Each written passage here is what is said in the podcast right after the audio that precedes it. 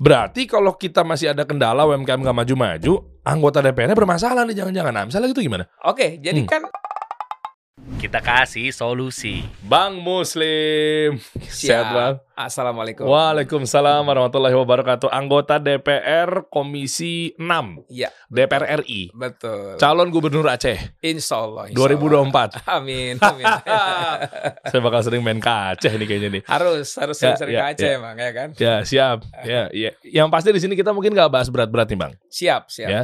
Saya tahu se- sepak terjam eh, abang ini kan luar biasa terhadap UMKM, BUMN. Komisi 6 itu apa aja? UMKM? Ya, terima kasih eh, Mas Dery. Kalau Komisi 6 itu kan pertama itu kan Kementerian BUMN, Mm-mm. ya. yang kedua itu Kementerian Perdagangan, Kementerian UMKM dan Koperasi, kemudian Kementerian Investasi dan PKPM. Oh, Oke. Eh, Artinya itu memang yang dominannya itu ya salah satunya ya BUMN lah dan Kementerian Koperasi. Oke. Jadi semua terkait lah. Jadi semua sektor eh, induknya ya BUMN sebenarnya. Hmm, oke. Eh, Kemarin kita ketemu ya di event ya Dim ya. Eh, Pak Teten, Mas Duki. Oke, Nah, insya Allah juga udah kontak-kontakan DM-DMan sama beliau terkait jadwal. oke. Ya kan Kementerian Koperasi dan UMKM ya sama beliau ya. Betul, betul, betul, betul. Menteri Investasi siapa? Bahlil. Oh iya, ya, ya, Pak Bahlil. ya lupa sih. Ya, Itu ya, ya. sahabat saya kebetulan tuh Pak Bahlil. Wah, kan. masya Allah. ya, ya, ya. Oke, ini kita mulai aja nih, Bang Muslim. Ya. Artinya kalau udah ada beliau teman-teman, ini cocok banget ya. Berangkat dari keresahan UMKM yang memang melulu dari tahun mungkin 90-an Betul, sampai betul. sekarang. betul, betul. Ya kan? Misalnya UMKM itu adalah Hadim bilang menjadi eh, penopang negara kita. Betul, betul. Ya kan? Yang membedakan kita dengan Singapura misalnya, Malaysia dan Betul. seterusnya. Artinya eh, kalau memang itu menjadi mayoritas dan menjadi pondasi negara kita, Oke. tapi masih banyak yang nganggur, nggak maju-maju, mungkin kendalanya di permodalan, betul, betul. ya kan? Apa pun itulah, intinya kita bahas mengenai ya kegelisahan para UMKM. Betul, Terus betul. perannya anggota DPR kan artinya bisa dibilang mewakili mereka kan, betul, betul. ya suara mereka dan lain sebagainya. Sampai akhirnya mereka hidup tentram, mereka lancar di negara kita, usahanya dan lain sebagainya. Ujung-ujungnya kan buat membantu negara juga kan, Persis, persis. membantu program pemerintah dan lain sebagainya. Gimana? ya? Kita berangkat dari situ dulu deh bang. Oke. Ya. Jadi terima kasih Mas Dery. Sama-sama, Sekarang kalau kita lihat eh, perkembangan UMKM di Indonesia, Ya. kita sisbek ke belakang. Misalnya ketika eh, tragedi 98. Oke. Salah satu kan eh, membuat ekonomi Indonesia hancur berantakan, ya kan? ya. Kita tahu betul ini eh, itu dianggap oleh beberapa negara Indonesia bubar. Ah, oke. Nah, ya kan? Oke. Kalau kita kembali ke 98, salah satu yang menjadi eh, penyangga ekonomi nasional adalah UMKM. Oke. Kita tahu betul bahwa UMKM ini adalah menyerap sekitar 97 persen Hmm. dari total angkatan kerja nasional. Artinya apa? Hampir coba bayangkan 97 persen kan nggak sedikit. Hmm. Hmm, Dengan jumlah UMKM sekian juta Ya. UMKM ya, artinya bahwa Hmm. eh, baik 98 maupun eh, pandemi 9 2020 kan, ini salah satu yang paling eh, faktor utama penyangga ekonomi adalah faktor UMKM ya kan. Hmm. Yang kedua tentu yang menjadi perhat, per- persoalan hari ini posisi UMKM di mana? Ya kan? Wah, iya. Itu jadi persoalan. Artinya bahwa eh, pemerintah di mana-mana menggembar-gemborkan UMKM. Tapi Hmm. kenyataan UMKM ini juga mereka sangat sangat sulit, sangat terbatas, sangat kurang akses, ya kan? Hmm. Apakah itu akses permodalan, ya kan? Mm. Akses eh, pelatihan, izin? izin dan lain-lain. Biarpun izin memang kita dorong terus ke Kementerian Koperasi maupun perdagangan dipermudah lah. Hmm. Saya dulu masih manual, sekarang sudah digital segala macam ya. Hmm. Artinya memang sudah banyak eh, hal-hal yang berubah lah dari konteks perizinan ya. Hmm. Misalnya dalam konteks permodalan, biarpun pemerintah hari ini sudah ada kurs ya kan, ada bantuan-bantuan lain ya kan. Hmm. Ini memang sebenarnya sangat membantu UMKM ya Oke. kan. Hmm. Namun demikian menurut saya yang paling menarik hari ini adalah eh, bagaimana pembinaan UMKM. Ah, Oke. Ah, ya kan. Kalau kita lihat mungkin di kota-kota besar seperti Bandung, Jakarta, Surabaya dan lain-lain kan karena mereka dekat dengan pemerintahan, dekat Hmm. dengan kekuasaan jauh lebih mudah akses. Tapi ketika kita masuk daerah-daerah pelosok, misalnya di Aceh, di Sumatera Barat, di Sumatera Utara, ini UMKM ini memang mereka sangat berat untuk bangkit, ya kan? Oke. Eh, karena saya coba cek di beberapa UMKM itu mereka setiap kita ketemu kita yang dibahas permodalan. Yang kedua akses market pasarnya, ya kan? Hmm. Yang ketiga ya pelatihan. Memang kalau ini kita bisa sampaikan kepada pemerintah ya, apalagi hari ini saya kebetulan menangani eh, Kementerian BUMN khususnya Komisi 6 ya. Hmm. Ini akan kita dorong. Biarpun kalau kita lihat data hari ini eh, misalnya eh, Kementerian BUMN kita lihat lah kan. Hmm, hmm. Kementerian BUMN kita tahu betul bahwa eh, be- terus mendorong misalnya mempromosi UMKM. Hmm. Nah, kita lihat hari ini adalah Hmm. eh, Pak Menteri baru kurang lebih ada 300 ribu UMKM binaan BUMN yang sudah diluncurkan secara online ya kan. Oke. Nah, kita lihat hari ini dengan total sekitar 386 triliun ya supaya UMKM go online. Artinya apa? Apanya? Uang eh, Dana dana ya? yang disiapkan oleh Kementerian BUMN ya kan Oke. eh, untuk 3000 UMKM. Tentu, Apa yang dipakai disalurkannya untuk apa? Ya ini termasuk juga untuk akses ya kan. Hmm. Kita lihat di sini misalnya kita tahu betul Kementerian UMKM eh, kucurkan 36 triliun misalnya di sini supaya UMKM bisa go online. Nyatanya? Ya nyatanya belum maksimum sampai hari ini. Oke. Ini, ini menjadi catatan kan? Oke. Ah ya kan? Oke. Ah, dengan binaan BUMN telah mendapat sertifikat tingkat komponen dalam negeri TKDN misalnya kan. Aha. Ah, ini ini tentu saya yakin spirit Pak Menteri Pak Erik ini bagus Oke. terhadap pembinaan UMKM ya. Ya. Ini memang sangat sangat sangat penting menurut saya ya. Hmm. Tapi hari ini kalau kita mau bicara jujur, saya turun di beberapa daerah kita lihat itu yang menjadi keluhan para pelaku UMKM adalah salah satu tuh di samping akses permodalan ini kan pembinaan, ah, misalnya pelatihan ya kan. Hmm. Eh, yang kedua eh, teknologi sebenarnya yang menjadi catatan. Kalau daerah-daerah ini kan pasti persoalan teknologi. Oh iya, Ah, mereka kalau- masih pada gaptek juga ya. Praktek juga ya kan. Hmm. Biarpun secara market sudah bagus, secara pemasaran misalnya kan. Hmm. Tapi kan misalnya seperti 300 ribu UMKM binaan telah mendapat sertifikat TKDN misalnya kan. Hmm. Eh, atau UMKM Go online misalnya kan. Hmm, hmm. Nah, tapi kan kalau kita mau bicara jujur kan baru 300 ribu. Bagaimana nasib dengan sekian juta UMKM yang selama ini belum belum tersentuh, ya kan? Hmm. Kita tahu betul kita kalau kita mau jujur hari ini jumlah UMKM itu hampir sekian. eh, ini tahun ini sekitar 8,71 juta unit MKM secara keseluruhan terdapat 64 juta. Itu yang terdaftar, belum lagi yang nggak terdaftar ya. Artinya 64 juta UMKM. Kalau kita lihat jumlah penduduk Indonesia hari ini sekitar 270 juta. Kalau 97 persen UMKM kan masih belum jauh banget dari harapan. Oh, oke. Ah ya kan? Nah, tapi ini menarik nih bang. Sebentar, artinya kan udah tiga program yang dijalankan kan Betul. sama pemerintah kita. Let's say ada apa tadi eh, permodalan ya. permodalan. Terus misalnya. ada pelatihan apa akses. akses, misalnya tadi eh, Heeh. BUMN Go online misalnya Oke. kan. Nah itu udah maksimal. Artinya eh, kok tetap tetap ujungnya tuh masih banyak yang ngeluh dalam tanda kutip. Eh, apa? Mungkin isi pelatihannya kah? Atau mungkin modalnya kurang kah? Kurang banyak misalnya? Iya, betul. Atau seperti apa? Ya kalau saya lihat secara menyeluruh memang sa- salah satu ya faktor permodalan terbatas ya kan kan Hmm. tentu kan kemampuan pemerintah kan sangat sangat, sangat- kecil ya kan Hmm.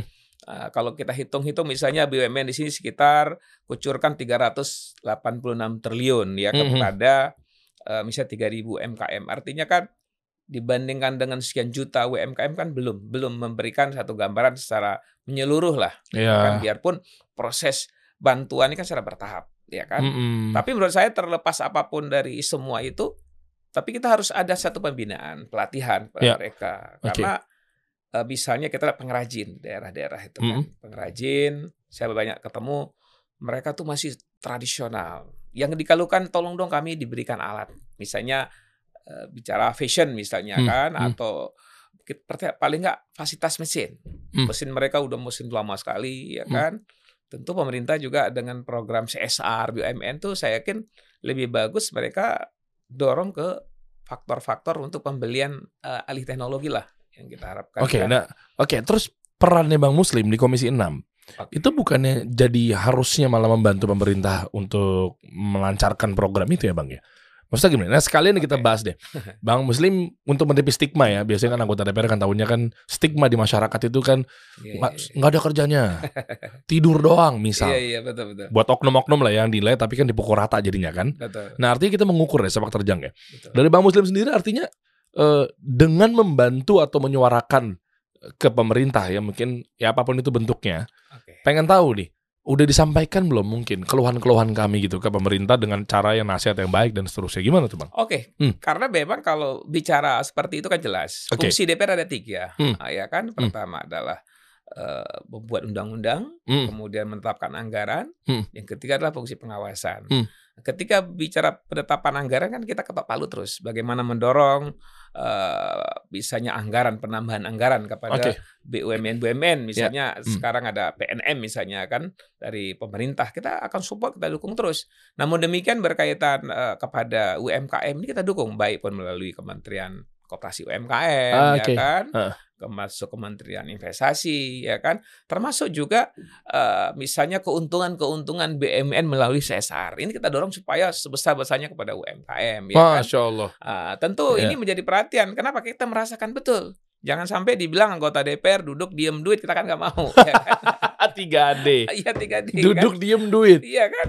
Artinya padahal kalau bicara jujur, eh, DPR itu kalau kan mungkin stigma masyarakat hanya sisi yang negatif dilihat, Ya, tapi ya. sisi positif itu kan kita bekerja terus. Nah, tahunya bekerja itu dari mana, Bang? Misalnya apalagi di Komisi Abang ini kan Ya. khusus UMKM. Nah, Betul. nyatanya mungkin masih banyak juga yang terlantar. Betul. Nah, artinya kan apakah memang harusnya ditambah Komisi 6 ya DPR-nya mungkin anggotanya dan lain sebagainya karena memang di Indonesia ini kan luas. Betul. Ya kan provinsinya banyak, bertambah kota-kotanya dan seterusnya.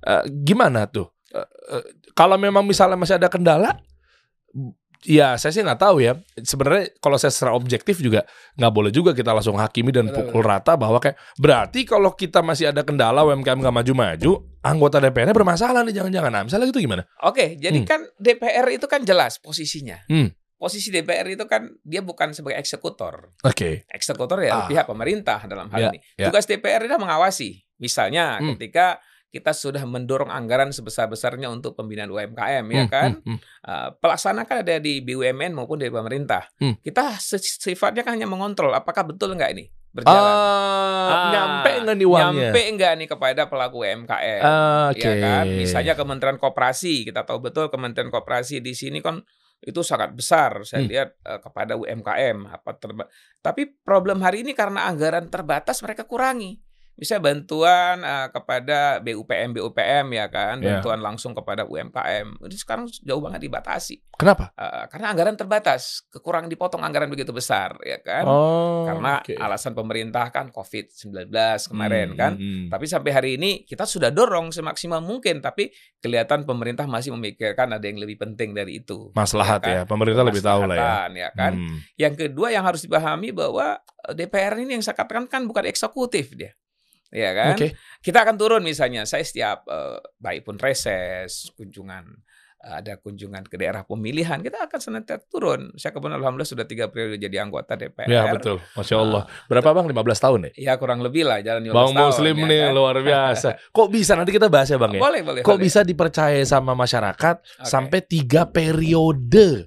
Berarti 15 tahun loh. Iya, iya, iya. Nanti kita kupas teman-teman ya Ah. sepak terjang beliau dan apa aja yang udah pernah dikerjakan oleh beliau. Ya kan kadang-kadang kan nggak nggak nampak nih bang. Betul, Ya betul. bukan kita butuh pembuktian dan pengakuan dari Bang Muslim, tapi kita betul-betul tahu sampai 15 tahun ini Betul. apa yang diperankan oleh Bang Muslim sampai akhirnya bermanfaat buat orang-orang dan orang-orang trust sama Bang Muslim. Betul, Nanti kita bahas. Lanjut dulu Bang. Siap. Hmm. Yang kedua kan ketika eh, karena hari ini mau apa kita adalah bicara UMKM ya kan, saya melihat yang harus didorong oleh pemerintah dalam hal ini. Tentu DPR juga kan kita akan support, ya kan. Saya termasuk orang yang sangat keras sampaikan ke pemerintah bagaimana mendukung UMKM ini. Biarpun secara bertahap pemerintah sudah pro betul-betul ke UMKM. Masya Allah. Tapi kenyataan di lapangan hari ini memang pembinaan UMKM masih sangat terbatas.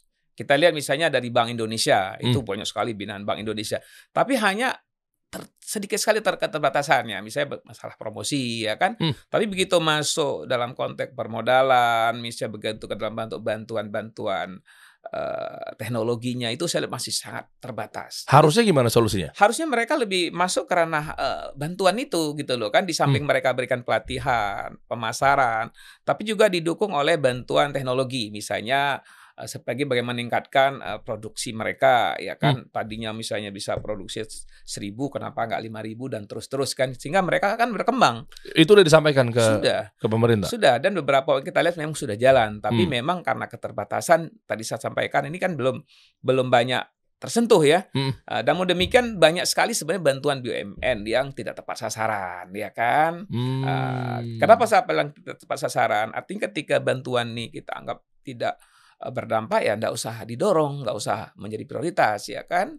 Oke. Contoh sederhana kemarin saya uh, komunikasi dengan Bank uh, Syariah Mandiri di Aceh misalnya BSI ya. BSI. BSI kita buat namanya di sana itu adalah uh, Malaka Millennial Expo. Di Ya Aceh kan? ini ya? Di Aceh. Masya Allah. Itu hadir hampir 10.000 orang Wow. dan sebagian besar pelaku UMKM yang ada di pelosok-pelosok desa di daerah. Ah, Bayangkan. Kita Wow. kan nggak pernah tahu nih. Oh. Ternyata di pelosok-pelosok daerah tuh banyak sekali UMKM yang betul-betul dikerjain oleh masyarakat paling bawah, mak-mak kita di kampung ini kan. oh ya. Di situlah ajang kita promosikan. Hmm. Padahal dari pihak Bank BSI hanya mensupport kurang lebih 200 juta. Saya sampaikan kepada eh, kepala cabang, coba Hmm. you bayangkan. You bantu pem- eh, rakyat dengan 200 juta untuk untuk bikin expo seperti ini. Hmm. Itu manfaatnya satu hari 10 ribu orang doang hadir. Dan Allah. 80% mereka adalah nasabah BSI coba bayangkan. Oh. Ah, maksud saya apa? Hal-hal seperti ini harus sering didorong oleh BUMN. Hmm. Ah, ya kan dibuat di beberapa daerah mengangkat daripada uh, produk-produk UMKM yang ada di pelosok-pelosok daerah. Dan saya yakin itu kalau itu dilakukan itu dampak positif buat masyarakat sangat besar. Cocok ya kan? gubernur kayaknya. Saya Amin. Ah. taati loh iya dong. Kalau udah jadi gubernur kan masuk dari ulil amri dan seterusnya kan pasti apa pun keputusannya kami Ulil- taati karena Ulil amri minkum ya. Wah, masya Allah. Yang kita taati adalah hal-hal yang memang ma'ruf ya kebaikan deh. Oke. Masya Allah. Hmm. Oke, lalu gimana tuh kondisi saat ini ketika sudah dibantu dan lain sebagainya? Apa jangan-jangan mungkin dari UMKM juga yang yang ya maaf ya mungkin nggak mau berubah atau gimana? Jadi memang kalau saya lihat ini setelah kita masuk ya. Hmm, hmm. Kebetulan istri saya juga pembina UMKM di Aceh kan, Iya. Eh, dari dari Partai Demokrat ya. Artinya apa? Setelah kita sentuh ternyata mereka jadi berkembang. Oh, Misalnya eh, kita sentuh apa? Sisi eh, quality controlnya, sisi packagingnya, ya kan, sisi pemasarannya, ya kan. Karena mereka pada prinsipnya kan kerjanya bagus, halus pekerjaan mereka. Padahal kalau kita lihat eh, eh, teknologi yang mereka punya kan masih jauh dari harapan. Hmm. Artinya coba kalau kita dorong ini misalnya Ya. eh, teknologi-teknologi yang sudah baru hari ini sudah eh, cocok dan tepat dengan kondisi hari ini, saya yakin pasti kualitas mereka nggak kalah saing lah dengan eh, Iya. barang-barang di dari luar sana ya Hmm, kan. hmm. Tapi begitu kita sentuh ternyata bagus kok mereka, kualitas mereka bagus ya kan. Oke, rata semuanya atau sebagian doang kali bang? Eh, kalau makanya saya katakan Oh. tadi potensi UMKM ini kan jutaan, Iya, ya kan. Betul. Ini kalau pemerintah ini bukan hanya pemerintah, DPR sebagai fungsi pengawasan itu kita lakukan juga. Kita kan memang nggak punya uang anggota DPR, nih kan yang punya uang kan pemerintah. Iya. Ya kan kita paling kita sampaikan ke pemerintah, tolong program-program pro kepada pelaku UMKM ya kan. Setelah kita turun kita sampaikan misalnya di tempat kami, kita minta Bank BSI misalnya kan, kita minta PLN, kita minta Pertamina, yuk bantu dong UMKM di sana, yuk lihat di samping lu beli produknya, tapi support dong teknologi mereka apakah pergantian apa misalnya kan. Jadi menurut saya ketika mereka kita sentuh, kita bina, bahkan sekarang nih saya dorong banyak sekali program pelatihan kepada pelaku UMKM. Jadi Hmm. sehingga mereka tahu bagaimana sih menjual produknya dengan bagus, dengan kualitas yang bagus sehingga produk yang betul-betul dari bawah ini juga bisa masuk ke pasar menengah, ya kan? Hmm. Kan kalau itu terwujud saya yakin coba bayangkan kalau setiap tahun naik tingkat dari pelaku UMKM dari bawah ke menengah, menengah ke atas itu kan luar biasa dampaknya. Oke. Kenapa? Karena salah satu orang pelaku UMKM kan dia pasti punya karyawan. Ya, kan? betul. ada tiga orang, ada lima orang. Coba bayangkan kalau setiap tahun naik tingkat sekian juta pelaku UMKM, alhamdulillah ini pasti secara tidak langsung memberikan kontribusi untuk negara. Hmm. artinya Ter- termasuk juga masalah pengangguran juga teratasi, ya kan? Iya. Persoalan sosial lainnya juga pasti yakin pasti akan dampak positif terhadap kalau ini terus berkembang. Oh, masya Ya kan? Allah. Nah, Ya kan? kalau berbicara mengenai berkembang, 15 tahun Bang Muslim ada di duduk itu di kursi sana gitu ya. Artinya kan perkembangannya apa yang udah dijalankan dan dibuat dan sejauh apa berkembangnya? Pengen tahu. Apa sih misalnya? Mungkin proyek apa kek? Mungkin apa? Sepak terjang lah bang. Oke. Kita mau tahu nih bang. Oke, Hmm. saya kebetulan kan di DPR ini kan eh, kita kan banyak komisi. Saya Ya. kebetulan pertama itu masuk di komisi eh, pemerintahan, komisi 2. Hmm. Eh, salah satu yang kita perjuangkan waktu itu adalah berkaitan dengan sertifikat gratis ke masyarakat melalui program nasional. Bang Kalau- Muslim tuh. Iya, betul, betul. Itu salah Wow. satu yang yang kita dorong kepada pemerintah waktu itu bahwa eh, kita tahu betul Indonesia itu hampir sekian eh, seluruh Indonesia hampir masyarakat nggak mampu untuk eh, membuat sertifikat, ya kan? Ah, oke. A- atau enggak mereka belum paham bagaimana mengurus sertifikat. Boleh dicek. Tapi alhamdulillah hari ini setelah program kita canangkan pada saat saya periode pertama DPR nih, akhir program ini terus jalankan pemerintah sampai hari ini. Bagaimana Oh ya? seluruh tanah-tanah yang dimiliki masyarakat itu diberikan sertifikat gratis, ya kan? Oh, udah. itu Prona, program nasional. ya Dari kan? abang, saya baru tahu loh. Nah, itu termasuk kita salah satu ikut menggagas pada saya periode 2009 pertama di DPR, ya oke, kan? oke. Nah, kemudian saya lanjut juga di Komisi Pendidikan, ya kan. Hmm. Komisi Pendidikan banyak hal yang kita lakukan, termasuk memperjuangkan kampus-kampus swasta menjadi kampus negeri waktu itu, ya kan. Kenapa dirubah ke sana? Kenapa? Karena kita tahu betul di daerah ini sangat terbatas, ya Hmm. kan. Eh, baik sisi akses eh, untuk pendidikannya, ya kan. Eh, misalnya kita lihat contoh Aceh lah. Hmm. Aceh ini terdiri dari 23 kabupaten kota. Oke. Nah, sementara kampus negeri di sana waktu saya bergabung kan masih dua, yaitu Universitas Syah Kuala dan Universitas Maliko Saleh, ya Nah, kan? ya. Sementara di pantai timur ini kan belum ada kampus negeri, di pantai barat selatan belum ada kampus negeri, sehingga masyarakat semua datang tokoh-tokohnya ketemu kami, ketemu kita lah kan, supaya tolong dong Bang Muslim diperjuangkan supaya pantai barat selatan juga kami bisa mendapatkan pendidikan yang layak, jadi sehingga mereka juga bisa setara dengan daerah-daerah Oke. lain. Sebentar, artinya berarti kalau kampus swasta nggak layak, bang? Swasta di daerah kan berbeda dengan swasta di Jakarta. Kan tinggal dilatih. Kurikulumnya dibenahi dan seterusnya. Kenapa harus diganti swasta ke negeri? Ya salah satu menurut saya yang Hmm. swasta di daerah ini keterbatasan. Oh ya? Keterbatasan permodalannya, terbatasan aksesnya. Hmm. Otomatis dengan dengan swasta jadi negeri otomatis kan sudah dibiayai oleh negara, dibiayai oleh pemerintah. Oh, Iya kan? justru dibantu untuk dekat dengan pemerintah, Iya. sehingga pemerintah masa sih nggak melek gitu ya, Iya. karena jadinya anak baru nih. Betul dan Oh. hari ini sangat berkembang. Saya bangga. Misalnya dulu mereka waktu swasta hanya muridnya hanya 6.000. Hmm. Sekarang sudah 18.000, ya kan? Oke. Sudah 27.000, Oke. ya kan? Habis itu aksesnya kan juga semua terbuka. Baik pun secara nasional maupun internasional. Oke. yang dulu swasta ini kan sangat terbatas karena di di di apa namanya di eh, apa namanya dikelola oleh eh, swasta ya kan Hmm. oleh yayasan ya kan Ya. begitu dikelola oleh pemerintah ini kan sudah jadi aset pemerintah aset negara ya Hmm. kan Oke. secara kurikulum secara bantuan APBN semua masuk termasuk kualitas pendidikan jadi bagus ya kan Oke. Ah, jadi Oke. banyak sekali sebenarnya keuntungan dan mereka bahagia hari ini. Saya bersyukur bahwa itu salah satu tugas dan ibadah saya bisa memperjuangkan kepentingan dunia pendidikan di Aceh. ya Masya kan? Apalagi tuh bang? Apalagi bang? Yang kedua tentu Hmm. yang sangat menarik ya ketika kita di DPR ini ya ada kebahagiaan tersendiri ketika Hmm. kita bisa memperjuang bisa sektor eh, beasiswa, ya kan? Mm-mm.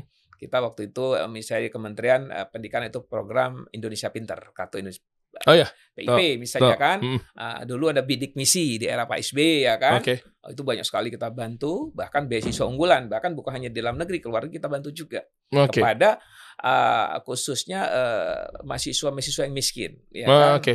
Dengan mereka punya prestasi, sementara saya ekonomi keluarga nggak mendukung, inilah kita fasilitasi melalui program beasiswa unggulan ya kan. Ada sebagian juga mereka masuk LPDP ya kan. Hmm. Nah, karena selama ini kalau ini kita nggak monitor, nggak kita kawal, bagaimana eh, anak-anak berprestasi daerah ini nggak diberikan ruang untuk mereka mendapatkan pendidikan yang layak, ya kan? Hmm. Ini salah satu yang kita dorong. Hmm, Dan Hmm, alhamdulillah eh, banyak sekali yang dibantu oleh pemerintah, ya kan?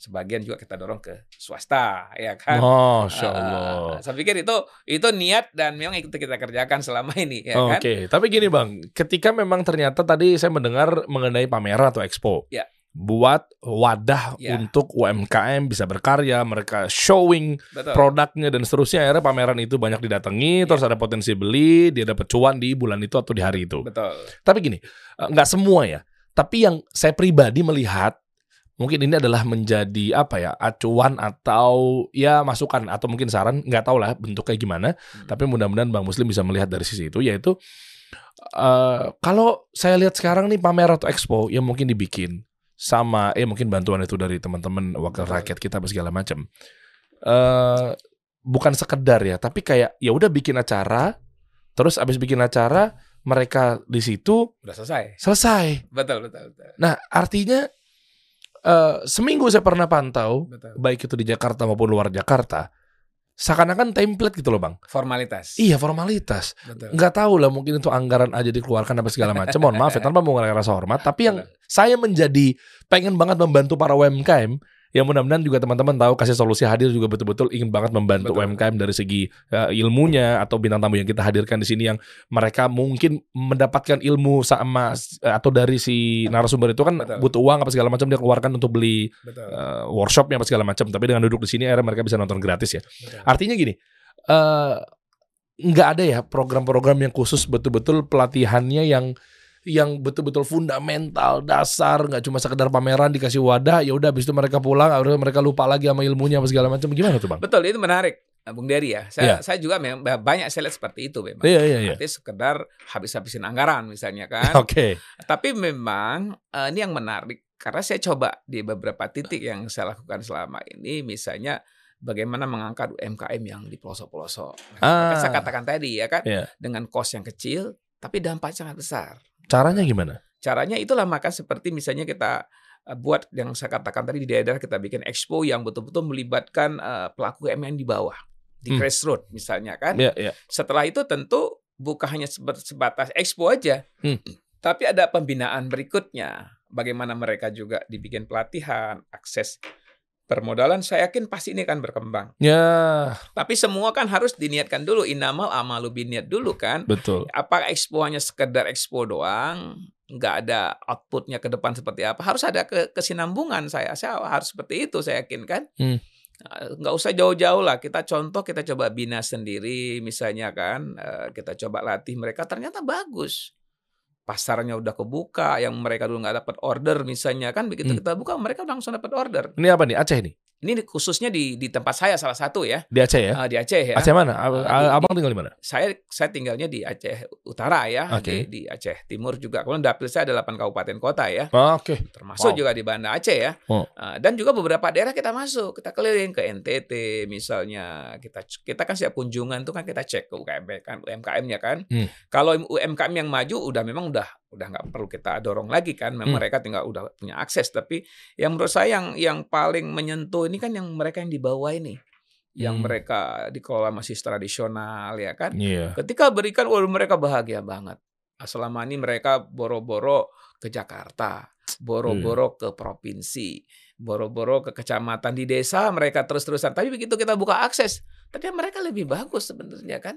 Oh, Makanya saya berharap nanti kepada Kementerian BUMN maupun eh, mitra-mitra kita kerja di DPR ini eh, programnya kita harus betul-betul nyentuh pelaku UMKM yang ada di di bawah ini gitu kan. hmm, iya. Biarpun selama ini memang sudah jalan, tapi jalannya tuh hanya nggak belum diseriusin gitu loh kan. Ya kirain lupa bang, Ah. kirain udah jadi kan kan yang saya saya saya nggak bilang semua ya. Ada Iya, juga iya. yang begitu dia mungkin dapilnya dapil mana nih daerah ya apa pun itulah pro- Betul, salah betul. satu provinsi di Indonesia. Betul, betul. Ya kan, disemangat, minta bantuan, minta dukungan, begitu udah jadi, boro-boro daerahnya ditengok lagi bang. Apalagi udah tahun politik nih ya. Iya kan ya, kayak Ah. gitu-gitu kan kesian bang. betul betul. Saya akan membantu UMKM gitu kan. Pas udah jadi lupa. tapi memang Oh. ini ini sebenarnya itu saya prinsip hidup satu bahwa eh, keberadaan kita kan harus bermanfaat, Iya. kan? Betul. Makanya saya bilang saya apa yang saya kerjakan hari ini kan amanah undang-undang. Masya Allah. Sumpah jabatan saya sebagai anggota DPR kan salah satu sumpah kita kan wajib memperjuangkan aspirasi rakyat, Ya. wajib memperjuangkan daerah pemilihan kita. Jadi kalau itu kita kerja dengan baik, insya Allah kita terpilih kembali kan bonus, bonus dari apa yang kita kerjakan. Yang pertama berarti amanahnya itu ya. Amanah dulu. Jadi saya Hmm. sampaikan di mana pun kepada saya paling banyak bina kan ada adik mahasiswa anak-anak muda di daerah ya kan. Oh. Bahkan bukan hanya di Aceh aja di beberapa daerah karena saya juga banyak berkembang bergelut di dunia aktivis mahasiswa ya. Ya. Jadi artinya itu yang saya kedepankan adalah ya amanah tadi ya kan? Hmm. Kalau kita kerja betul-betul serius dan ini adalah tanggung jawab kita dan sumpah jabatan kita, saya yakin pasti dampaknya sangat positif, ya kan? Hmm, Yang oke. dulu mereka nggak punya akses, tak buka akses. Dan saya tidak pernah eh, di dapil itu atau ketemu adik-adik masih bicara uang, ya kan? Yang kita bicara adalah bagaimana membangun akses tadi kepada mereka. Kita cari solusi, bukan cari masalah, ya kan? Kalau kau cari masalah kan gampang banget, ya kan? betul. Tapi yang paling penting solusi apa buat mereka nih? Iya. Misalnya mereka rata-rata di daerah tuh kami ini seorang mahasiswa butuh tempat magang misalnya kan. Hmm, Oke. Kami butuh beasiswa. Ya kita komunikasi dengan perusahaan tempat. Pak Apartemen tolong dong kasih kesempatan adik-adik untuk magang dikasih kesempatan ya kan. Hmm. Kalau ada peluang kita kasih peluang ya kan. Apakah termasuk peluang beasiswa? Saya yakin ini kalau ini kita lakukan kemarin misalnya ada beberapa kita dorong untuk dapat kerjasama dengan pemerintah Jepang ya kan Oh. pertukaran mahasiswa ya kan. Jadi kadang-kadang ini juga sebenarnya kalau kita mau lakukan dan kita sendiri banyak sekali peluang-peluang itu kan. Wah, Tinggal bagaimana membangun sinergitas. Ya, dengan mitra, saya yakin kan. Betul, Bang Muslim atau kemarin aja ke event kita support teman-teman. Muslim Market Indonesia. Datang malam-malam ngecek ada tiga event di situ kan, Betul, ada betul. jackpot juga gitu kan. Orang keliling beliau. Artinya eh, ternyata banyak ngobrol dan saya banyak belajar sama beliau mengenai ketika event-event ini kan Ya. nggak cuma sekedar kita datangi kita support Betul. ya, tapi gimana keberlanjutan mereka dan Betul. seterusnya. Kita duduk bareng gitu di cruise tuh, ingat banget tuh. Ya, ya, ya. Apa yang yang yang Bang Muslim lihat dari dari fenomenal itu? Saya, saya terus terang kalau untuk hari ini Hmm. per- perkembangan dunia UMKM Hmm, atau dunia fashion di Indonesia saya yakin cukup cukup bagus. Oke. Uh, Contoh sederhana banyak sekali. Yang dulu uh, mudah-mudahan fashion, misalnya fashion Muslim lah kita lihat ya. Oke. Saya beberapa titik saya lihat itu uh, kebetulan istri saya suka sekali dengan fashion kan. Hmm. Saya bersyukur bahwa uh, pertumbuhan ekonomi itu di non fashion di Indonesia luar biasa. Uh, ya, Oke. contoh kita lihat banyak muncul dulu di mall-mall tuh jarang kita lihat Ya. misalnya outlet-outlet uh, khususnya bicara pakaian muslim misalnya kan Oke. hari ini kan udah nggak asing bahwa dunia fashion uh, yang mayoritas kita muslim di Indonesia ini uh, dulu kita lihat hanya di pasar Tanah kan Hmm. atau di pasar pasar tradisional tapi hari ini di mall-mall besar sudah besar-besar sekali outletnya Hmm. Dan juga pembelinya juga semua kalangan Nah, kita lihat misalnya di Pondok Indah Mall, di Plaza Indonesia, di Grand, oh itu outlet besar-besar misalnya ada uh, misalnya lokal lagi ya? lokal, Iya, ada iya. benang jarum dan lain-lain Oh, di iya. situ ya kan Ya, ya, Artinya apa? Itu luar biasa menurut saya ada perkembangan yang dahsyat di dunia uh, fashion ya, fashion muslim ya. ya. Hmm. Uh, dulu saya terus terang uh, karena saya juga background pedagang tadi dulunya juga sebelum di DPR pedagang.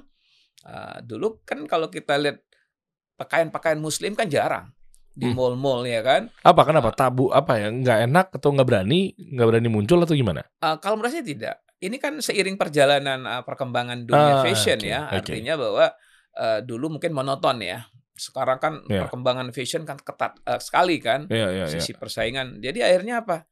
Yang orang dulunya nggak tertarik dengan fashion itu sehingga karena dia setiap hari berubah dengan desain baru-baru akhirnya apa? Orang semua akan membeli, ya kan? Hmm, Ah, oke. jadi Jadi kan ini faktor uh, kemajuan uh, dunia fashion ini menjadi menjadi hal yang sangat penting menurut saya kan. ah betul betul. Apalagi misalnya Bung Dery selain dengan pakaian dengan berbagai merek dengan berbagai model kan. Ya ya. Kita bisa lihat kemarin acara uh, Muslim Market misalnya Ya, kan. ah. Itu luar biasa itu. Coba bayangkan satu hari itu berapa uh, dia punya uh, value apa istilah keuntungan dari situ Oh kan. gede sih ya Gede. gede gede. Saya keliling Tanah Abang tuh. Ah. Ternyata triliunan tuh kan selama bulan Ramadan tuh Iya. pendapatan di Tanah Abang. Nah, cuma ini terus harus kita dorong juga dia ada di daerah-daerah. Nah Kan? betul. Terus bagaimana dengan importer? Berarti artinya setuju juga dong dengan eh, ide pemerintah dengan menekan mungkin thrift shop, thrift shop yang beredar itu yang importer importer barang bekas, baju bekas itu. Ya, nah, itu gimana? Bagus dong berarti. Kalau itu tentu dari dulu kan kita dorong. Perso bicara impor ini kita batasi lah impor ini kan. Jangan sampai nanti eh, dengan banyaknya impor kan industri dalam negeri kan pasti mati. Masih Hmm. nggak akan berkembang. Oke. Ya kan? Oke. Eh, kalau impor kita nggak haram hukum yang impor, tapi impor tuh sesuai kebutuhan. Oke. Jangan mengada-ngada impor itu kan. Karena yang nama impor kan pasti ada yang banyak diuntungkan oleh pihak-pihak lain. Ya, kan? oke. Nah, Siapa tuh contohnya, Bang?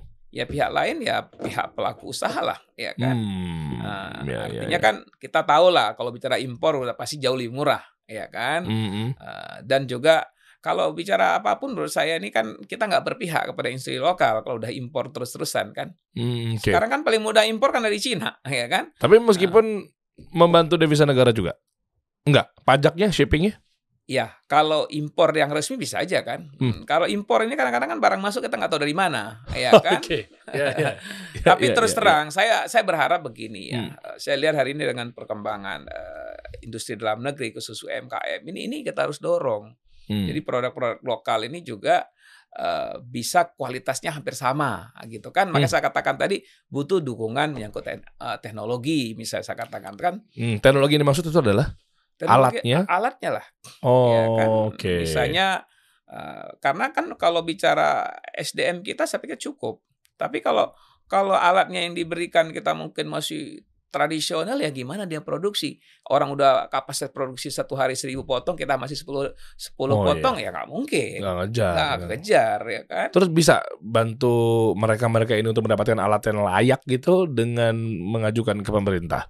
saya pikir itu keterbatasan ya Eh, kalaupun ada bantuan kan masih terbatas ya Oke, kan oke. Cuma dalam hal ini memang pemerintah kan nggak mungkin secara langsung harus fokus ke situ kan. Mm. Karena tugas pemerintah juga banyak sekali ya. Betul. Tapi paling nggak eh, kita berharap khususnya bantuan-bantuan ini tidak hanya formalitas ya kan. Hmm. Tapi harus tepat sasaran. Arti formalitas yang penting saya bikin kegiatan udah selesai tugasnya kan. Ya. Tapi kelanjutan nggak ada gitu kan. Yang penting oh saya udah berbuat kan nggak seperti itu. Anggaran ya kan? dari Bank Muslim. anggaran dari pemerintah dan Enggak, negara. enggak, bukan bukan. Budgeting, sorry maksud saya. Budgeting. Oh ya, DPR Budgeting ini kan salah satu kan eh, tugasnya menetapkan anggaran. Ah, Ah, anggarannya itu gimana cara ngaturnya? Potensinya kan maaf ya, ada oknum-oknum yang hijau gitu ngelihat anggaran dibikin, dirancang, akhirnya mereka ada main tanda kutip gitu loh. Betul, memang itu banyak lah kita lihat ya. Hmm. Eh, yang mengajukan anggaran ini kan pemerintah, Eh, termasuk ya kementerian terkait, ya kan. Kalau melalui BUMN kan PNM namanya kan. Hmm. Eh, Oke. eh, jadi artinya bahwa eh, yang menyusun program kan pemerintah juga. Kita hanya memberikan masukan. Eh, Oh, oke. Kalau pemerintah kita anggap masukan beberapa program diusul pemerintah nggak tepat, kita coret, ya kan? Oh, Oh, ini oke. ini nggak layak, ya kan? Ini nggak tepat, tolong ini dirubah. Nah, ini to- tolong ini menjadi prioritas UMKM misalnya. Hmm. Prioritas nah, itu biasanya ada negosiasi antara DPR dan pemerintah. Saya program-program anggaran yang diberikan tuh betul-betul ada output kepada masyarakat. Oh, Oke. Iya kan? Nah, ini Bang, pertanyaannya gini, Bang, selanjutnya. Eh, maaf ya. Eh, potensi mereka melakukan korupsi itu dari mana ya? maaf. Apakah memang gara-gara dia menyusun anggaran lalu kayaknya bisa nih diselipin-selipin nih? Ya, Ya khususnya misalnya di Komisi 6. oke, Nah, itu gimana caranya mengukur bahwa selain yang pertama pasti iman. betul. Yang kedua adalah eh apakah ada pakemnya cara menyusun anggaran? Satu seperti apa, Bang? Oke. Ketika kalau berbicara nyusun anggaran kan semua udah ada aturan penyusunan dari pemerintah ya. Oke. Nah, kita kan nggak masuk ke ranah itu ya. Kalau bicara ada terindikasi korupsi ini kan pasti ada oknum yang bermain, Ya. ya kan, baik pun dari sisi perencanaan semua, ya kan. Misalnya kejadian baru ini masalah kereta, kereta api cepat KCJB sudah ada tujuh ditetapkan tersangka. Kita udah ingatkan eh, DPR, udah ingatkan kan oleh pihak eh, khususnya pihak kereta api KAI kan, tolong ini ini ini jangan dipaksakan misalnya kan. Nah, ternyata ya kembali lagi kepada oknum. Karena yang Hmm. melakukan korupsi kan rata-rata kan oknum. Oke. Nah, oknum yang memang ada peluang dan ada kesempatan di situ. Nah, tapi oleh DPR khususnya kita ketika kita tetapkan anggaran itu kan sesuai perencanaan yang diususun oleh mereka. Nah, persoalan nanti oknum nih akan ada permainan-permainan itu yang ujungnya pada masuk ke ranah korupsi kan bukan kewenangan kita lagi di situ. Oke. Kita mengawasi supaya ini betul-betul anggaran itu tepat sasaran, efisien, efektif, dan betul-betul dimanfaatkan dengan baik. Ya kan? Kalau ini tidak dilakukan oleh pihak eh, eksekutif, berarti yang salah siapa ya eksekutif? Karena wewenang kita udah selesai. Kita awasi. Ya kan? DPR ini kan fungsi pengawasan yang paling ketat. Kita ke dapil misalnya atau kita kunjungi kepada eh, misalnya eh, BUMN misalnya kereta api, Oke. ke perusahaan pelindo kita kita kontrol semua. Tapi kan nggak mungkin kita masuk ke ranah teknis, ya kan? Nah, terus potensi bisa korupsi itu gimana? Kalau nggak masuk, eh, nggak mungkin masuk ke teknis. Dari mana biasanya mereka oknum-oknum ini? Oknum itu ya tentu pasti ada kerjasama dengan pihak ketiga. Oh, dari suap. Iya bisa terjadi suap kan, misalnya kita lihat eh, kenapa mereka harus mengimpor contohnya, ya kan? Oh. Eh, impor otomatis eh, mereka beli yang tidak sesuai dengan eh, tar, apa namanya sesuai kualifikasinya ya kan. Hmm, Oke. Nah, akhirnya kan harus membeli dengan harga 10 ternyata mereka beli bisa dapat harga 6 ya kan. Nah, sisanya empatnya? Yang empatnya mungkin ya nggak tahu seperti apa ya kan. Oh. Nah, itulah yang dibilang indikasi itu kan eh, pasti korupsi terjadi itu kan pasti ada pihak ketiga yang bermain ya kan. Iya, iya, iya, Nah, iya, iya. itu bisa kita lihat lah hari ini kejadian di bulan Ramadan ini kan udah banyak banget OTT OTT yang dilakukan oleh KPK. Ah. ya kan. Jadi menurut saya itu persoalan korupsi ini kan persoalan moral lagi kan. Hmm, Iya, persoalan iya. moral penyelenggara. Nah, itu siapa aja bisa terjadi gitu. Iya, betul ya. Korupsi kan. Karena yang korupsi ini kan kita tidak menyebut uh, oknum dari mana pun, semua bisa melakukan itu Bisa. selama uh, orangnya tidak konsisten, tidak punya moral untuk melakukan sesuatu yang terbaik buat kepentingan masyarakat. Masya ya Allah. kan? Bang Muslim kalau 15 tahun ini sih insya Allah semoga Allah selalu jaga ya. Amin, amin, amin. Istiqomah.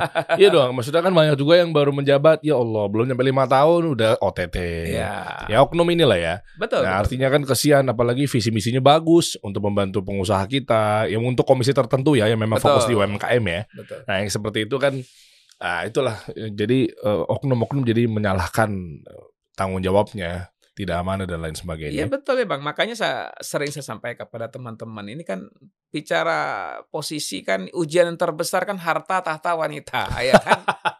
Jadi ketika kita masuk di ranah politik itu ujiannya besar. Di situ kan banyak godaan-godaan ya kan. Oke. Tergantung kita mau nggak masuk ke godaan itu. Kalau kita nggak mau ya nggak mungkin bisa ya kan.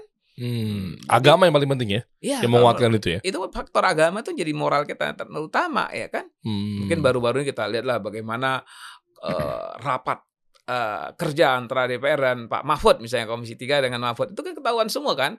Hmm. Ah, kenapa Oke. ini terjadi? Coba coba bukan dong, bukan dong. Update dong.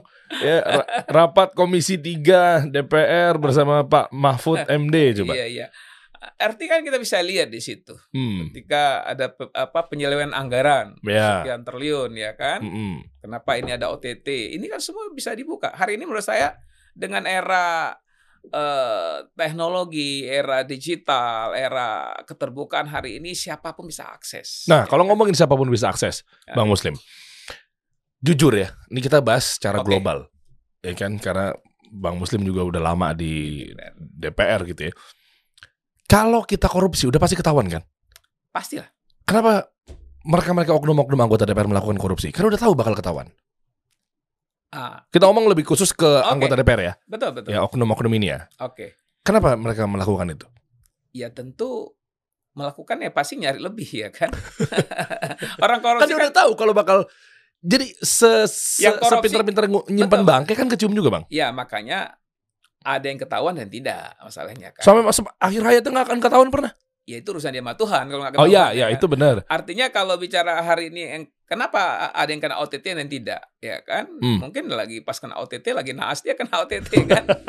kan gitu masalahnya kan? Ya ya ya ya.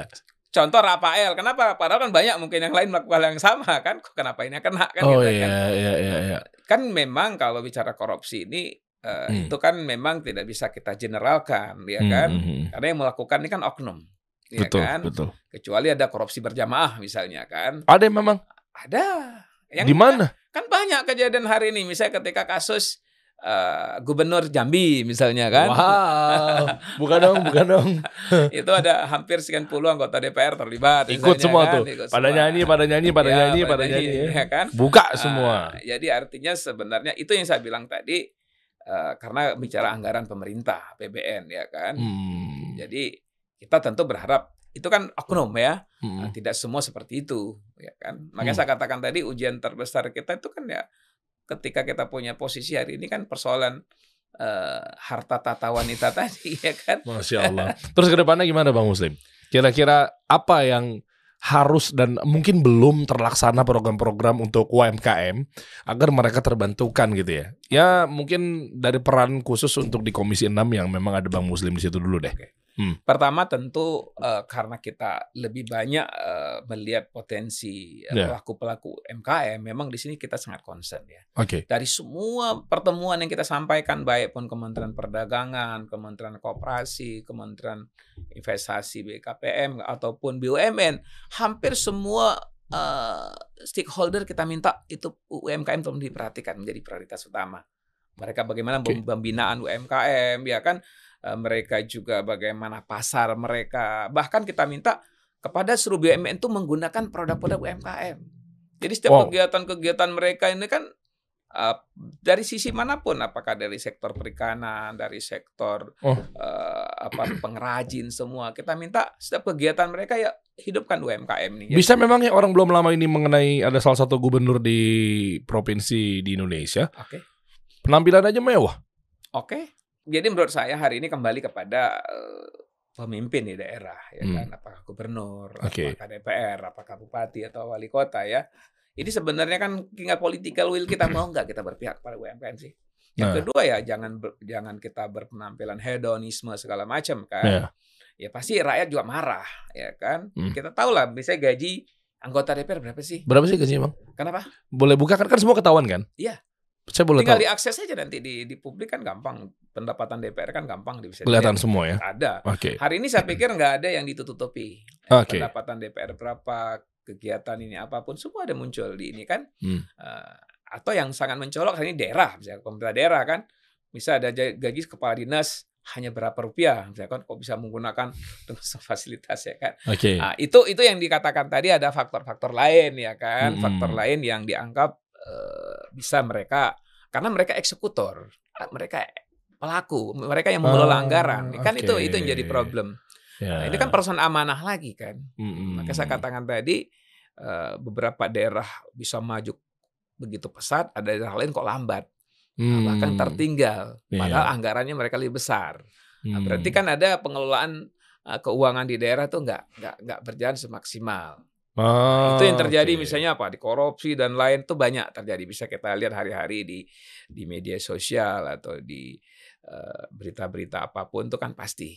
Iya, dan khususnya kalau memang nanti Bang Muslim misal jadi anggota atau sorry eh, gubernur Aceh, misal seperti itu, eh, beda tuh programnya sama sekarang yang lagi dijalankan. Oh pasti Beda lah, pasti ya. pasti lah. Apa pendekatannya lebih detail nggak? Apa agak kendor? Apa justru malah lebih touchy sama Iya, mereka? Saya yakin memang eh, siapa pun yang menjadi kepala daerah, yang pertama kan tujuan utama itu kan bagaimana memberikan kesejahteraan bu- buat masyarakat tentunya kan. Lebih peduli lagi dong justru sama UMKM. Harus dong. Harus ya? Harus itu menjadi menjadi modal utama. Saya katakan kenapa pelaku pelaku usaha yang terbesar UMKM dari semua Hmm, sektor. Oke. Coba kita lihat hari ini apalagi menjelang Ramadan, Idul Fitri, hari-hari besar. Bahkan kita hari-hari kan saya turun ke saya kita turun ke pasar, ke ke mana sekali ke pertanian semua kita lihat. Itu itu itu justru yang yang saya katakan tadi peno, penyangga ekonomi terbesar kita di situ. Turun ke pasar Bang Muslim. Kita, Nggak takut dibilang pencitraan. Oh enggak lah. Kalau pencitraan yang kita nggak pernah turun itu pencitraan ya kan. Sekalinya turun tapi Iya, langsung apalagi- diekspos. diekspos apalagi sebentar lagi kan masuk tahun politik ini ya kan kalau saya karena udah tiga periode udah terbiasa kita Iya, ke iya. pasar misalnya ke ke sawah ya kan Mm-mm. ke teman-teman ma- pelaku UMKM jadi nggak ada beban kita yang jadi beban kalau kita nggak pernah turun lima tahun sekali baru kita turun itu jadi masalah ya. Yang mana tuh? ya itu kan kembali ke orangnya masing-masing saya katakan tadi jadi Eh. saya memang dalam berpolitik itu ya saya ndak ndak mau pusing dengan hal-hal orang ngomong apa pun ya. Oke. Yang penting tugas saya ini adalah bagaimana keberadaan saya bermanfaat sebanyak-banyak buat masyarakat ya kan. Eh, Terutama ya, ya. masyarakat daerah pemilihan kita ya kan. Hmm. Tentu yang kedua ya masyarakat secara umum ya kan. Hmm. Karena DPR ini kita nggak bisa menghindari hari-hari yang datang kita kan bukan hanya dari dapil kita juga. Nah, Oke. Dan kita wajib menerima kan datang dari Kalimantan, dari Jawa, apa sih mereka audiensi kan dengan kita, baik melalui fraksinya, melalui komisinya, ya kan? Pasti Hmm. mereka mengeluh. Kan banyak sekali apalagi di BUMN kan banyak sekali masalah-masalah, masalah koperasi, ya kita tahu Aduh, betul kan. iya, iya, iya. Yang korban berapa banyak, berapa triliun ruginya, ya kan? Mm-mm. kita menampung juga menampung kita arahkan oh misalnya ini kaitan hukum kita arahkan ke komisi 3 oh kaitan karena DPR ini kan ada 11 komisi dia Iya. 11 komisi dari komisi 1 komisi 11 kan Mm-mm. Hmm, artinya semua sudah ada mitranya masing-masing Oke. ketika bicara hukum ya tiga kita bicara keuangan di komisi 11 ya kan Mm-mm. bicara kepertanian komisi 4 ya kan semua sebenarnya sudah diatur sedemikian rapi ya kan Media mana media? Ah, kalau media Komisi berapa? kalau media komisi satu. Komisi satu ya? Ah, karena informasi karena di situ Informasi. kom- informasi yaitu ya Pak Joni Plate lah menterinya di situ kan. Hmm. Tapi kalau media khusus ya nggak ada sebenarnya di semua di semua komisi kan sama aja. Pemberitaannya kan sama aja kan. Cuma Oke. karena di situ adalah eh, mitranya adalah Kementerian Kominfo ya di komisi satu ya kan. Hmm, oke. Dan eh, terakhir nih bang, yang paling berperan penting sama UMKM, Oke. jujur-jujuran aja ya. Apakah DPR, MPR, kepala daerah, menteri, atau seperti apa? Saya pikir ini semua saling terkait. Semua saling terkait. Saling terkait. ya Tapi kan? satu yang paling peran penting. yang paling peran penting ya saya pikir ke hari ini kan ya pemerintah lah, pemerintah pusat lah ya. Khususnya ya kalau kita bicara hari ini UMKM itu kan adanya di Kementerian. kementerian. Itu ya yang paling kan? penting ya. Itu kenapa? Karena mereka yang menyentuh langsung dan mereka punya anggaran khusus yang bersentuhan langsung dengan UMKM. Tapi kan bisa Bang Muslim bikin satu anggaran, rancangan sih sebetulnya budgeting, terus diajuin ke Kementerian UMKM. Bisa nggak? Kalau itu kan sifatnya kan stimulan namanya ya. Ah. Nah, itu kan tidak memberikan Eh, solusi. contoh, oh, oh enggak, tapi misalnya pelatihan sekian ratus juta, eh, ini sekian, modal sekian gitu, bisa nggak sih semudah itu nggak sih? Oh enggak. Jadi begini. Ah. Di Cara di- kerja, cara kerjanya untuk eh, pengajuan ke, ke, ke kementerian misalnya, Oh kalau itu sih sudah ada. udah deh. Sudah ada.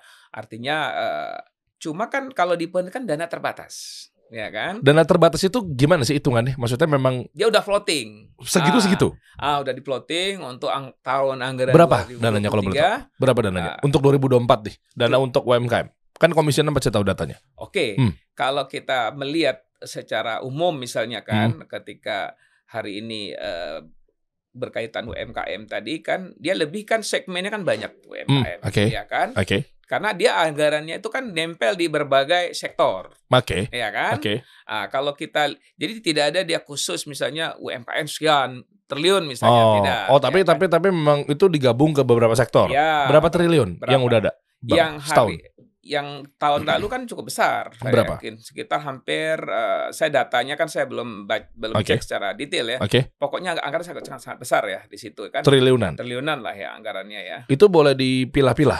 Iya.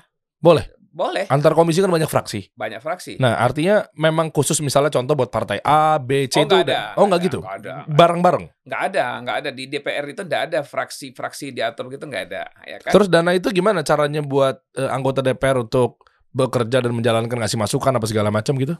Oke, Hmm. jadi keberkaitan dengan itu kan ada usulan daerah. Nah, Nah, kita kan setiap ke dapil ini kan ada ada banyak yang kita bawa. ah, itu maksud saya. Ah, Tahunnya misalnya Aceh, dapilnya berapa, Bang? Dapil Da- kita kan dua, dua dapil. dua dapil. Nah, Dua dapil tuh dua, tiga, 23 kabupaten kota. ah, berarti banyak dong anggaran di situ kan yang diturunkan. Berarti boleh ngasih masukan. oh iya. Saya minta dong buat dapil saya, kebutuhannya misalnya sekian triliun.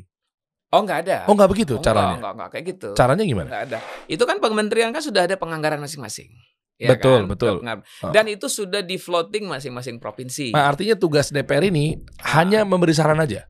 Mengawasi. Oh, mengawasi. Saya di dapil saya tuh ada kondisi tuh parah banget nih perusahaan-perusahaan atau mungkin pedagang-pedagang yang begini. Ya. Nah, boleh nggak dana sekiannya Hmm. dilebihin sedikit buat ke dapil saya? Boleh gitu? Oh enggak, enggak kayak gitu polanya. Oh, gimana Oh, polanya? Jadi kan DPR itu kan penganggarannya sudah sudah cukup jelas ya kan. Oke. Misalnya eh, berbicara pengembangan sektor UMKM misalnya ah, kan oke. diberikan anggaran misalnya 12 triliun Oke, ya kan. ini SOP-nya gimana? Ya, itu kan sudah dibagi habis. Hmm. Ah, oleh termasuk nanti ada yang namanya eh, eh, dana untuk eh, masing-masing provinsi sudah ada. Ah, Yang nurunin pemerintah. pemerintah ya kan. DPR ngawasin aja. mengawasi aja. Kasih masukan boleh. Boleh. Ah, 12 kasih- triliun kurang nih, Pak. Ya, bisa. Bisa. Jadi boleh nggak Pak Jokowi tambahin lagi jadi 13 triliun? Bisa. Tapi melalui kementerian lagi, mereka usulkan lagi ke Kementerian Keuangan, ya kan? Oh. Kementerian Keuangan melihat lagi apakah layak enggak nih. Ya Terus kan? fungsinya DPR apa dong? Kenapa? Fungsinya DPR kalau tiba-tiba tetap udah ada yang, yang ngatur. DPR itu kan kan ada tiga tiga tiga fungsi utama.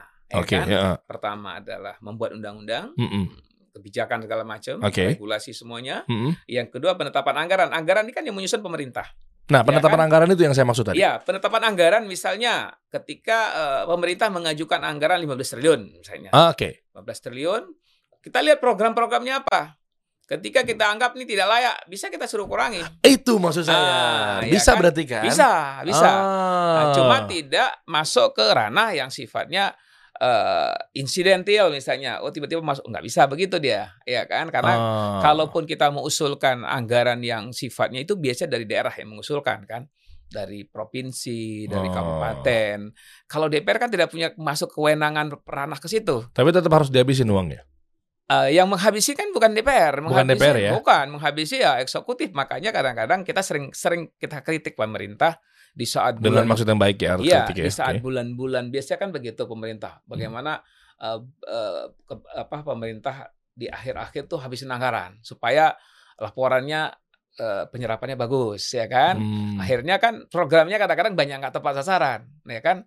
Ma, peran DPR lah kasih masukan di situ. Kita kasih masukan. Oh. Artinya bahwa fungsi kita lebih fungsi pengawasan, fungsi kontrol. Misalnya kita ada daerah misalnya di sana ada kasus Lampung misalnya Ah, kemarin oke, kita lihat oke. tuh kan ada jalan yang rusak. Oh, karena ada konten kreator yang oh, speak up di itu itu di sosial bia- media itu ya. biasanya anggota DPR wilayah sana atau dapil sana dia akan sampaikan kepada pemerintah Oke. khususnya misalnya Komisi 5 itu infrastruktur Oke. dia akan turun sampaikan tolong Pak Menteri tuh beresin tuh jalannya itu Oh. Ah, beresin itu itu biasanya menjadi men- menjadi atensi khusus oleh pemerintah untuk besok menganggarkan. Eh, kerja ternyata guys. Saya Iya. membantah stigma-stigma mereka-mereka taunya tuh udah negatif mulu sama wakil rakyat.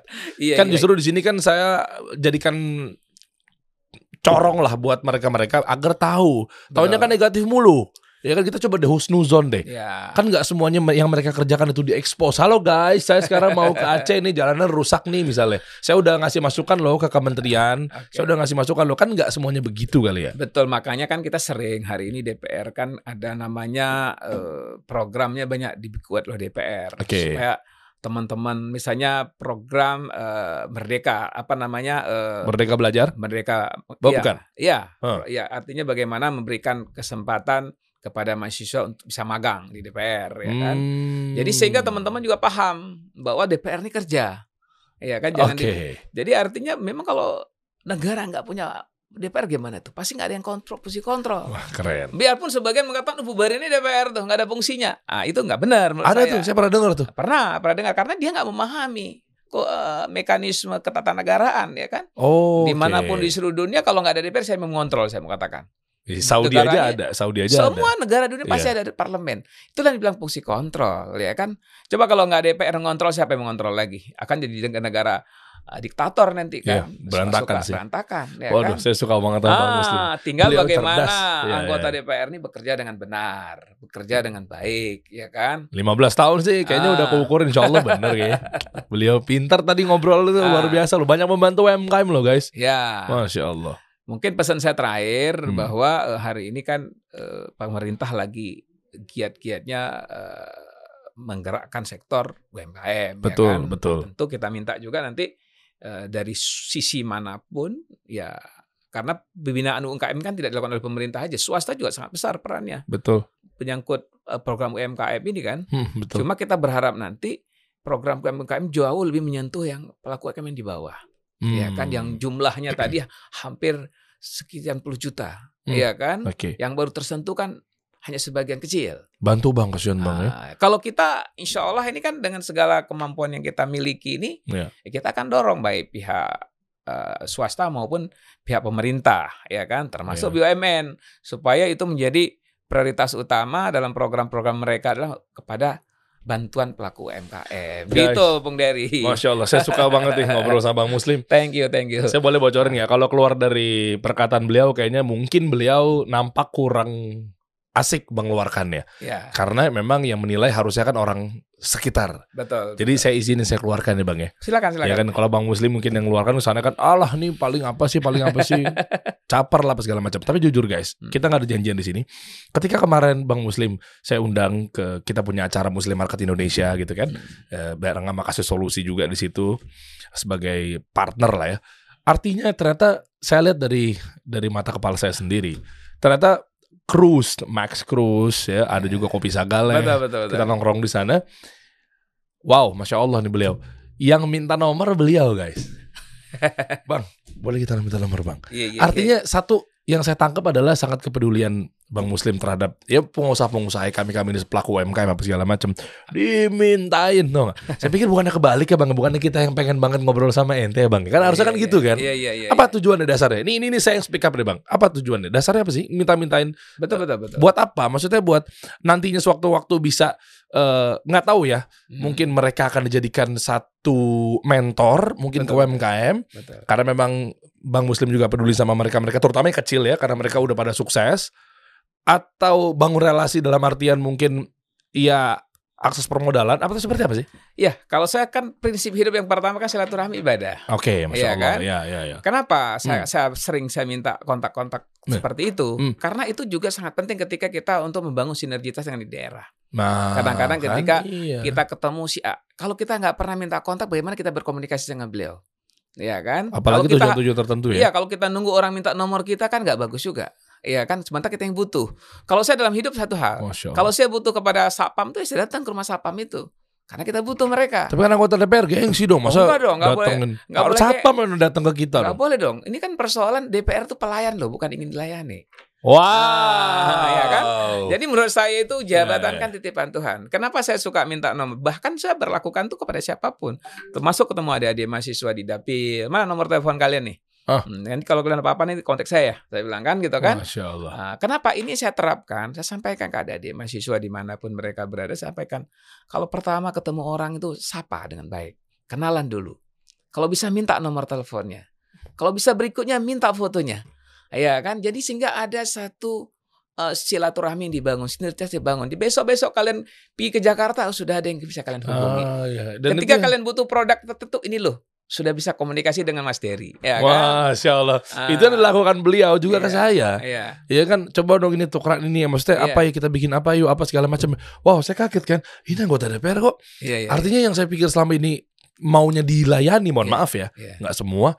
Oh ternyata nggak gitu juga untuk ke semua rata gitu? Enggak ya? Ya enggak enggak. Karena saya banyak bertanya lah kepada senior senior di DPR ada yang sudah enam periode tujuh periode. Saya tanya nih apa sih rahasia? Hmm. Eh, Kanda saya bilang atau bapak kok bisa terpilih sampai enam periode di DPR dia bilang apa sederhana aja. Bang Muslim katanya rajin siapa itu rakyat. Di mana pun ketemu singgah warung-warung kopi. Bayarin kopi mereka. Iya kan? Ya, kalau naik mobil nggak usah pakai mobil mewah deh kalau masuk kampung buka tuh kaca mobil artinya hal-hal Wah. kecil kadang-kadang itu menjadikan nilai positif ya kan dan Masya ini saya perlakukan sampai hari ini di mana pun.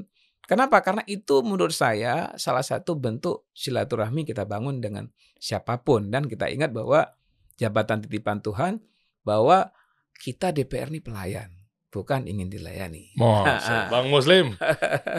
Terima kasih jazakallah khair. thank you, thank you. Nanti makasih. kita bahas lagi di Aceh kita lihat pengen tahu apa yang bisa kasih solusi bantu Amin. dengan senang hati kami ikutlah programnya ketika memang nanti di Aceh kan terutama kan Bang Muslim juga tinggal di sana atau Oke. mungkin di, dia dari sana lah ya Oke. apa yang bisa kami bantu mungkin apa Insyaallah, kita insyaallah. bantu pelatihan ke mereka banyak narasumber yang memang pengusaha-pengusaha sukses yang memang ingin berbagi Harus. kontak-kontak ya Bang ya Pasti insya Allah saya akan akan hubungi nanti. Masya Karena Allah. menurut saya ketika orang-orang dari Jakarta kita bawa dengan segudang pengalaman, Amin, dengan amin. sudang segudang jaringan, Ya, itu ya, buat ya. orang daerah itu udah kayak malaikat yang datang. wah gitu loh. masa masa sih nanti ya kita kita mampir-mampir ya Kita kasih solusi.